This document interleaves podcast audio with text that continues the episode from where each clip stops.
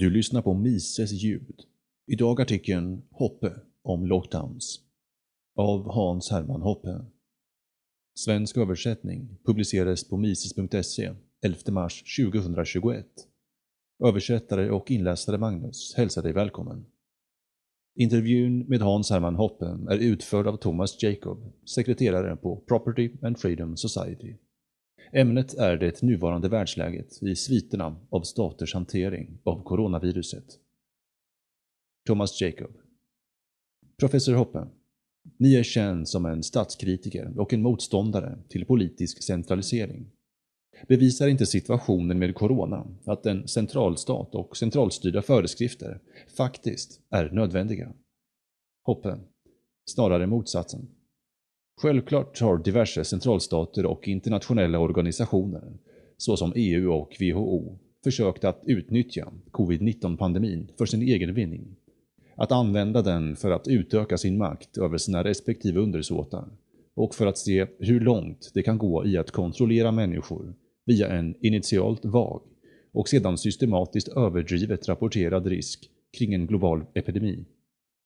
Att det till stor del faktiskt har lyckats hela vägen fram till en generell husarrest är skrämmande.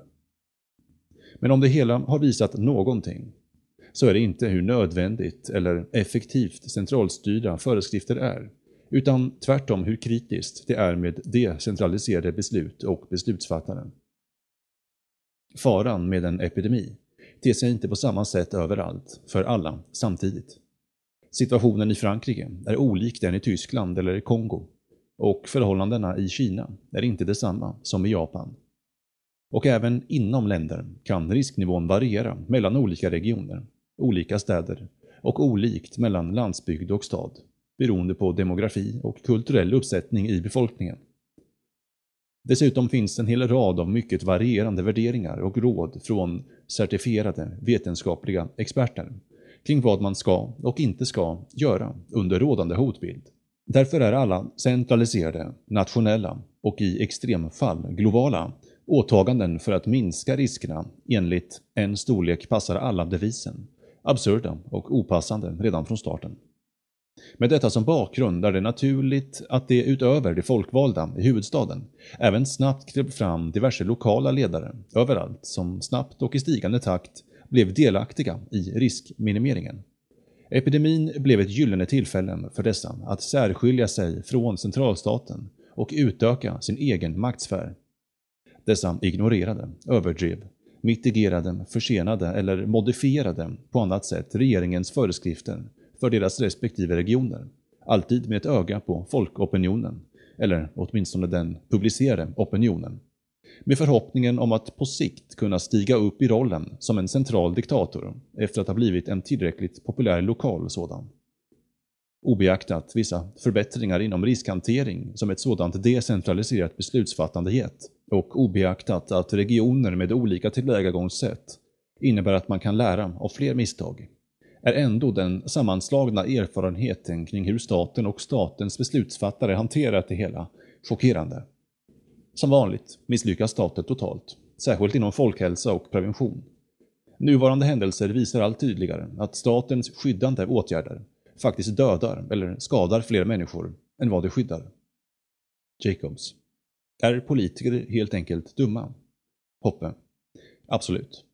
Gruppen politiker som helhet besitter inte det ljusaste av huvuden. Och detta godhetsgörande som utmärker dem som politiker det vill säga deras påståenden att genom sina handlingar vilja förbättra liv och bringa framgång till andra, eller till och med till hela mänskligheten, borde alltid ses på med misstänksamhet. Men det verkliga problemet med politikens misslyckande, och särskilt i samband med hantering av infektiösa sjukdomar, ligger djupare och har en mer strukturell natur. Den djupa och den strukturella orsaken är att beslutsfattare, centrala eller regionala, inte har något att förlora personligen när beslut fattas. Det vill säga, det är till stor del fredade från potentiellt felaktiga beslut med tillhörande förluster och kostnader. De behöver inte fundera länge över för och nackdelar av sina dekret, utan kan istället fatta relativt spontana beslut eftersom de inte hålls personligt ansvariga för konsekvenserna av deras föreskrifter. På det stora hela hamnar bördan av deras handlingar istället på andra personer. Detta är kärnan till varför dumhet och godhetsgörande blir farligt och systematiskt bidrar till ansvarslöshet, likgiltighet och megalomani. Ta exempelvis coronaviruset. Vid en smittsam sjukdom, varför skulle någon inte införa hårda regleringar såsom utegångsförbud, social isolering, husarrest, verksamhetsförbud, produktionsförbud etc. Om du själv ändå inte kommer lida något direkt inkomstbortfall. Anledningen är att inkomsten för politiker och övriga offentliga anställda inte baseras på värdebringande sysselsättning utan på skatter, det vill säga påtvingade avgifter. Och den är därför skyddad i det korta och mellanlånga loppet. Varför skulle någon oroa sig om indirekta och långtidseffekter av ens handlingar om konsekvenserna ändå inte kommer att drabba mig personligen och om jag ändå inte kan hållas personligt ansvarig? För att motivera sina hårda regleringar kan man helt enkelt peka på en liten men kreativt extrapolerad grupp människor jämfört med hela populationen som tydligen har räddats från svår sjukdom eller död medan man ignorerar konsekvenserna av en lockdown. Det vill säga faktumet att långt många fler hamnar i ekonomiska spörsmål som ett resultat av regleringarna och kommer, som ett resultat, indirekt fara illa och eventuellt även dö. I början verkade det som att beslutsfattarna inte förstod överhuvudtaget, eller ville förstå, att skyddande åtgärder, oavsett hur välmenat, inte är och aldrig kommer att vara utan en kostnad. Under parollen skyddsåtgärder presenterades det snarare som den enda utvägen. När baksidan av åtgärderna blev allt mer tydlig och inte längre kunde viftas bort menade de att alla deras beslut faktiskt var avvägningar mellan hälsa och ekonomi. Och att i deras ögon, som de godhetsgörare som de är, kommer mänskligt liv alltid att väga tyngre än ekonomiska konsekvenser. Det finns en grundläggande insikt som makthållarna visade sig inkapabla att inse. Eller så ville de inte inse den. Denna dikotomi finns inte. Tvärtom är en stark ekonomi den bästa försäkringen för en god hälsa. Det är därför de fattigare regionerna, populationerna och folken drabbas hårdast av en lockdown. Och då inte minst deras faktiska hälsa. Endast med stor envishet kan man lyckas undvika denna enkla insikt och istället framställa sig själv som en politisk beslutsfattare som tar svåra beslut i den rådande, svåraste av krissituationer. Sedan när det börjar klarna kring omfattningen av samhällets utarmning som kommit ur statsbeordrade förbud mot social kontakt, produktion och försäljning, med konkurser, exproprieringar, obetalade lån, arbetslöshet, korttidsarbeten etc. som resultat, och när det tunna argumentet kring hälsa före ekonomi rämnar och politikers självutnämnda hjältestatus börjar ge allt bäskare smak i munnen, kommer uppifrån lugnande besked att den ekonomiska skadan som tyvärr åsamkats snart skall återbördas till fullo. De lyckas med konststycket att vara räddare i nöden dubbelt upp. Godhetsgörarna som räddar godhetsgörarna. Och esset i rockärmen som nu dras fram är att massivt öka penningmängden. Lösningen på alla problem ovan är helt enkelt att skapa värden från ingenting. Att trycka mer av statens papperspengar som praktiskt taget är gratis att tillverka. Denna procedur kostar ingenting för beslutsfattarna och i knät får de en hög pengar som de till folkets jubel nu kan börja dela ut. Samtidigt läggs kostnaden för den ökade penningmängden, det vill säga genom minskad köpkraft och ett ökat statslån, på andra.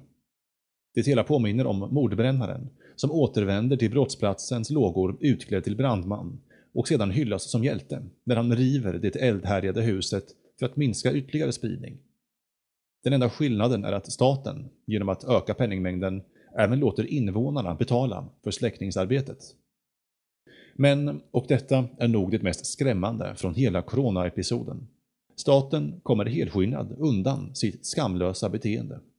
Absolut, det finns motstånd mot lockdowns här och där och motståndet växer sig starkare ju längre tiden går. Men på det stora hela ses beslutsfattarna fortfarande som brandmän snarare än mordbrännare. Samtidigt har politiker använt rädslan kring smittan, som systematiskt har eldats på, för att utöka sin makt till nivåer oskådade i fredstid. Detta inkluderar ett avkall på all äganderätt, alla rättigheter och en nästan total restriktion av personlig rörelsefrihet ända ner till en nivå inom husets fyra väggar. Allt i folkhälsan och smittokontrollens goda namn. I mitt tycke är utvecklingen i graden av lydighet till politiker högst oroande. Jacobs. Hur skulle problemet med en pandemi bli löst utan statliga regleringar i ett privatlagssamhälle? Hoppe. I ett privatlagssamhälle skulle allt land, varje bit av mark, vara privatägd. Alla lägenheter, hus, bostadsområden, vägar, vattendrag, hamnar, flygplatser, fabriker, kontor, skolor, sjukhus etc. skulle ha en privat ägare.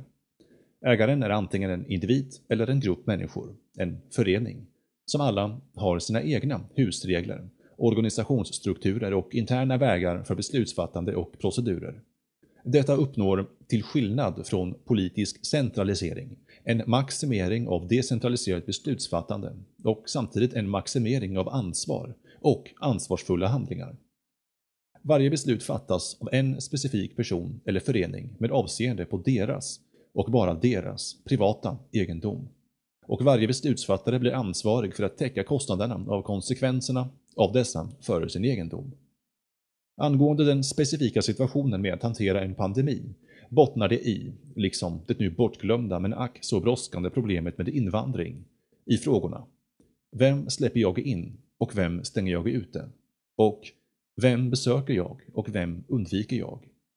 Eller mer specifikt, varje privat egendomsägare eller samfällighet måste bestämma, baserat på riskerna med en infektiös sjukdom relaterat till deras ägor, vem de ska tillåta och under vilka förutsättningar, och vilka de ska förbjuda. Framförallt i läget med den kommersiella verksamhet borde och skulle beslut även avhandla vilka preventiva steg och försiktighetsåtgärder som erbjuds och efterfrågas av besökare för att reducera smittorisker. På samma sätt kan även besökare och kunder anta diverse försiktighetsåtgärder på eget bevåg för att lättare få tillgång till potentiella värdar. Resultatet av alla dessa individuella beslut blir ett komplext nät av tillgångs och besöksregler. Alla möten mellan personer äger här rum frivilligt. Det uppkommer eftersom värden och besökaren anser att fördelen med deras träff är större än risken för smittan som kan resultera av den. På grund av detta har varken värden eller gästen någon rätt att anklaga den andra om en smitta faktiskt skulle uppkomma efter deras möte. Smittan, inklusive sjukvårdskostnader etc. måste ansvaras över själv. Skadestånd kan endast bli aktuellt om värden ljög om vilka preventiva åtgärder som var på plats eller om gästen inte respekterade smittskyddskraven som var etablerade för att få närvara. Men även utan att bedra någon kommer beslutet kring besökare och värd alltid med ett pris. Alla preventiva åtgärder kommer med en kostnad och måste befogas, antingen genom en förväntad större vinst eller minskad förlust. Eller genom en förväntad ökad acceptans eller minskad aversion från besökarna. Framförallt måste varje privat egendomsägare själv bära kostnaderna för eventuella felaktiga beslut. Exempelvis om den förväntade avkastningen eller attitydsskillnaden inte blev som planerat, eller till och med tvärtom. Eller om de skyddande åtgärderna för värd och gäst oväntat ökade smittorisken istället för att sänka den. Det ansenliga ansvar som ligger hos privata egendomsägare gäller även vid en epidemi. Hans ekonomiska existens och den närmsta sociala miljön står på spel. I ljuset av detta kommer beslutet att kräva stor eftertanke, än större ju mer egendom och relationer han hanterar. Han måste agera snabbt, ofta närmast med våld, för att lära från sina misstag och rätta till hans tidigare beslut för att undvika framtida ekonomiska och sociala kostnader. Liksom vid alla andra sorters problem eller risker, äkta eller upplevda, gäller samma logik vid infektiösa sjukdomar och epidemier. Det bästa, mest kostnadseffektiva och smidiga sättet att minska skadeverkan associerat med en epidemi är att decentralisera beslutsfattandet ner till nivån för privata egendomsägare. Detta eftersom, som tidigare nämnt, faran med en epidemi varierar mellan olika platser och mellan olika tider och detta kommer att fångas upp. Det finns inget generellt, enkelt och definitivt, otvivelaktigt vetenskapligt svar för att värdera risken med en infektiös sjukdom. Istället är frågan empirisk och svaret på sådana frågor är rent principiellt alltid hypotetiska och osäkra. och kan variera och ändras mellan olika forskare och mellan olika discipliner, exempelvis mellan virologer och ekonomer, samt över tid. Detta visar tydligt på att beslut angående rimliga försvarsmekanismer borde fattas på en lokal nivå där man är medveten kring förutsättningarna i närområdet. Och lika tydligt borde det vara att dessa beslut måste fattas av privata egendomsägare eller samfälligheter. För endast dessa är fullt ansvariga för deras beslut och för vilka experter de vill lyssna på. Och endast dessa har därför incitament att lära av sina eller andras misstag eller härma andras framgångar för att närma sig en lösning på problemet ett steg i taget. Värt att nämna också är att man i denna grupp med alltid tävlande entreprenörer finner en stor grupp individer, långt fler än vad man hittar i en grupp med politiker, som samlats i ett parlament eller i en regering, som är överlägsna de senare i alla tänkbara relevanta aspekter. Livserfarenhet, intelligens, framgångsrikt företagande, vetenskapliga kvalifikationer, värdeskapande, omdöme. Att tro att en snabb och smärtfri lösning på problemet med infektiösa sjukdomar kommer att kläckas av politiker och deras intellektuella hovfolk av alla människor. Alltså personer som fattar beslut kring användandet av privat egendom och kring personers fria rörlighet åt en stor grupp människor, helt okända för dem själva. Utan att känna till de lokala omständigheterna. Utan att axla något ansvar över resultatet av besluten. Och för den delen, utan att vara särskilt begåvade själva heller, innebär att vi bokstavligt talat tror på mirakel. Jacobs. Kan du ge något exempel på vad som skulle se annorlunda ut i ett privatlagssamhälle jämfört med det nuvarande politiska agerandet av coronaviruset? Hur skulle det se ut? Hoppe. Kortfattat, coronaviruset skulle inte ha utvecklats till en pandemi. Detta innebär inte att viruset inte finns, inte är farligt eller smittsamt. Det betyder snarare att faran associerad med att smittas av coronaviruset är så pass låg att det aldrig skulle ha uppfattats som en intresseväckande pandemi av folk, framförallt inte intelligenta sådana. Och det skulle därför inte signifikant påverka vårt beteende. I fallen där mätbara ökningar i antalet smittade och döda ändock kunde uppfattas, som på ålderdomshem och sjukhus, skulle detta uppfattas som andra, normala, säsongsbundna fenomen, exempelvis ett svårt influensautbrott, vilket hanteras via vanligt förekommande, smittminskande åtgärder. Med andra ord skulle alla hälsorelaterade händelser legat inom normalvariationen.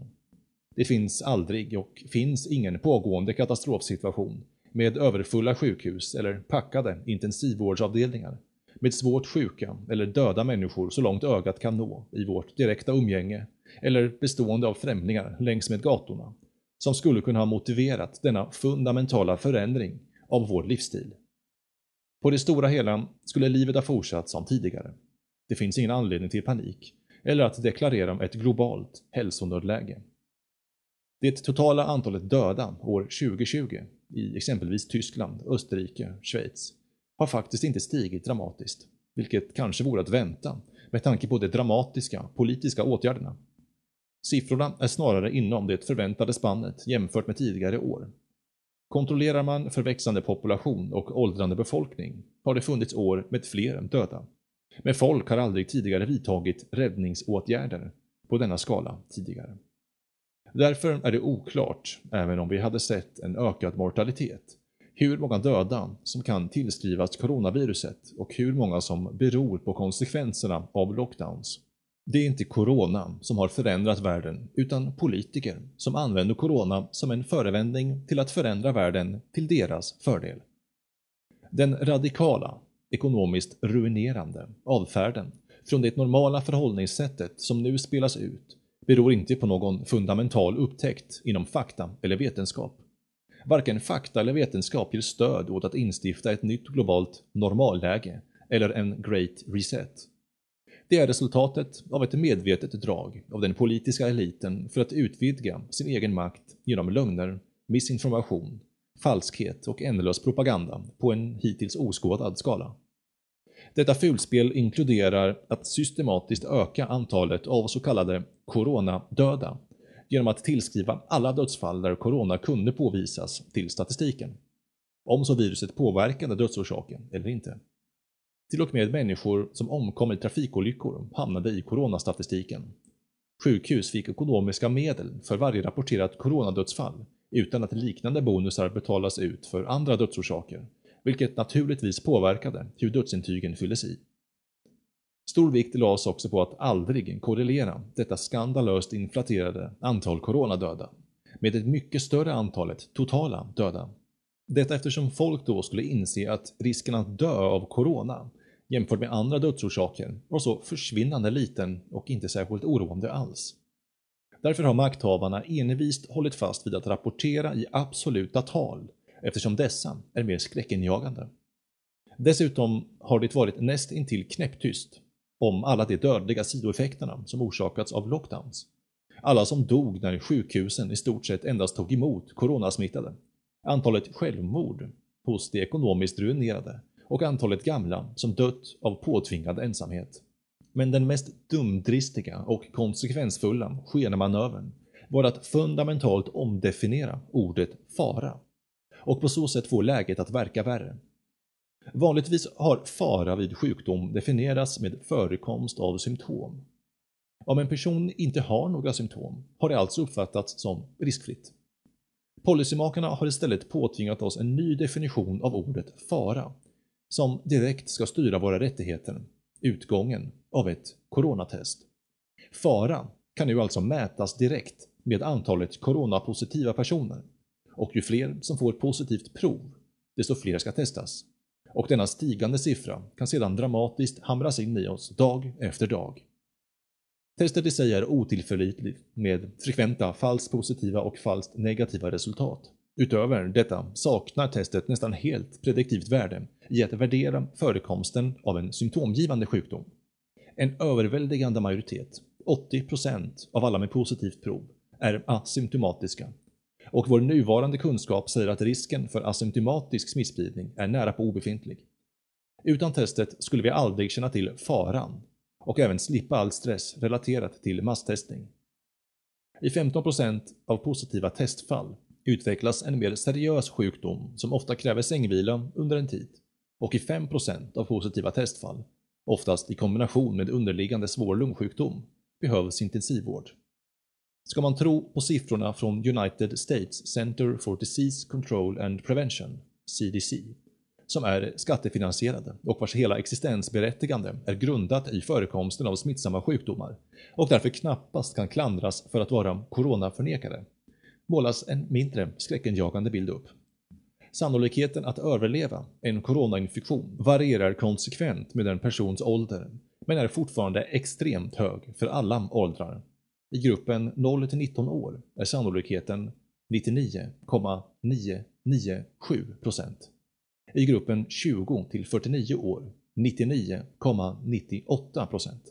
I gruppen 50-69 år 99,5%. Till och med gruppen 70 plus är den 94,6%. Detta för mig tillbaka till början av svaret. Vilka egendomsägare i ett privatlagssamhälle skulle se anledning till att fundamentalt ändra sitt vanliga beteende i den rådande situationen? Vem skulle stänga ner sin verksamhet av detta? Vem skulle sluta producera eller resa? Vem skulle lägga band på sig själv för att inte ha någon kontakt eller helt blockera tillgången till deras egendomar? Jag tror svaren på dessa frågor är uppenbara. I ljuset av den verkliga upplevelsen, snarare än vad ett konstgjort test visar, som har väldigt lite med den aktuella sjukdomsbördan att göra, skulle vi sannolikt ha vidtagit en eller två extra försiktighetsåtgärder, liksom vid tidigare svårare influensaepidemier. Självklart skulle vi varit extra varsamma med äldre, som är mer utsatta för svår sjukdom. En sjukhussamordnare eller två hade sannolikt ökat antalet tillgängliga sängplatser Observationer om nya symptom skulle kanske ha lett till att en eller två virologer undersökte förekomsten av ett nytt virus som korrelerade med symptomen. Möjligtvis skulle ett test ha tagits fram och kanske börjar även sökandet efter ett vaccin, även om det är osannolikt med de höga utvecklingskostnaderna och den förmodade låga efterfrågan, med tanke på de överlag låga riskerna med smittan. Faktumet att det aktuella händelseförloppet är så pass annorlunda saknar objektiv grund och beror enbart på existensen av den politiska klassen. Eliten som inte behöver axla ansvar eller ta konsekvenserna för sina handlingar och vars godhetsgörande därför kan stiga till megalomani. Sedan urminnes tider har politikers megalomani, stöpt ur ansvarsfrihet, manifesterats i allt mer långtgående interventioner i civilsamhället med hänvisning till diverse siffror från statistiska myndigheters rapporter, vilket ger dem vetenskapligt stöd i sina handlingar. Fram tills nu har dessa rapporter handlat om ekonomisk statistik, om inkomst och kapital och deras distribution, tillväxt, import, export, pengamängd, handelsbalanser, inflation, priser, löner, produktion, arbetslöshet etc. Varje siffra i rapporterna ger policymakarna något att agera på. Siffran var för hög, eller för låg, eller så var den tvungen att stabiliseras, vilket krävde en politisk intervention. Det finns alltid någonting att korrigera. Vi behöver inte gå in på detaljer här i hur stora effekterna på värderedistribution och folklig utarmning vi får av dessa ekonomiska interventioner. Med coronakrisen har politiken flyttat fram sina gränser till nya fronter gällande siffrors berättigande effekt. Politiker har insett att hälsostatistik bjuder in till mycket större potential för regeringsmässig despotism och statusjakt än vad ekonomisk statistik någonsin gjort. Baserat på ett virustest som tydligen förtäljer om en akut potentiellt dödlig sjukdom infinner sig, har våra politiker lyckats få våra sociala liv att stanna upp, försatt miljontals människor i ekonomiska och sociala kriser, understött det farmakologi-industriella komplexet i att berika sig enormt via försäljning av masker, virustest och vaccin, och ändå lyckats kliva ut ur det hela, än så länge, som hjältar. En skrämmande och fullständigt förödande insikt.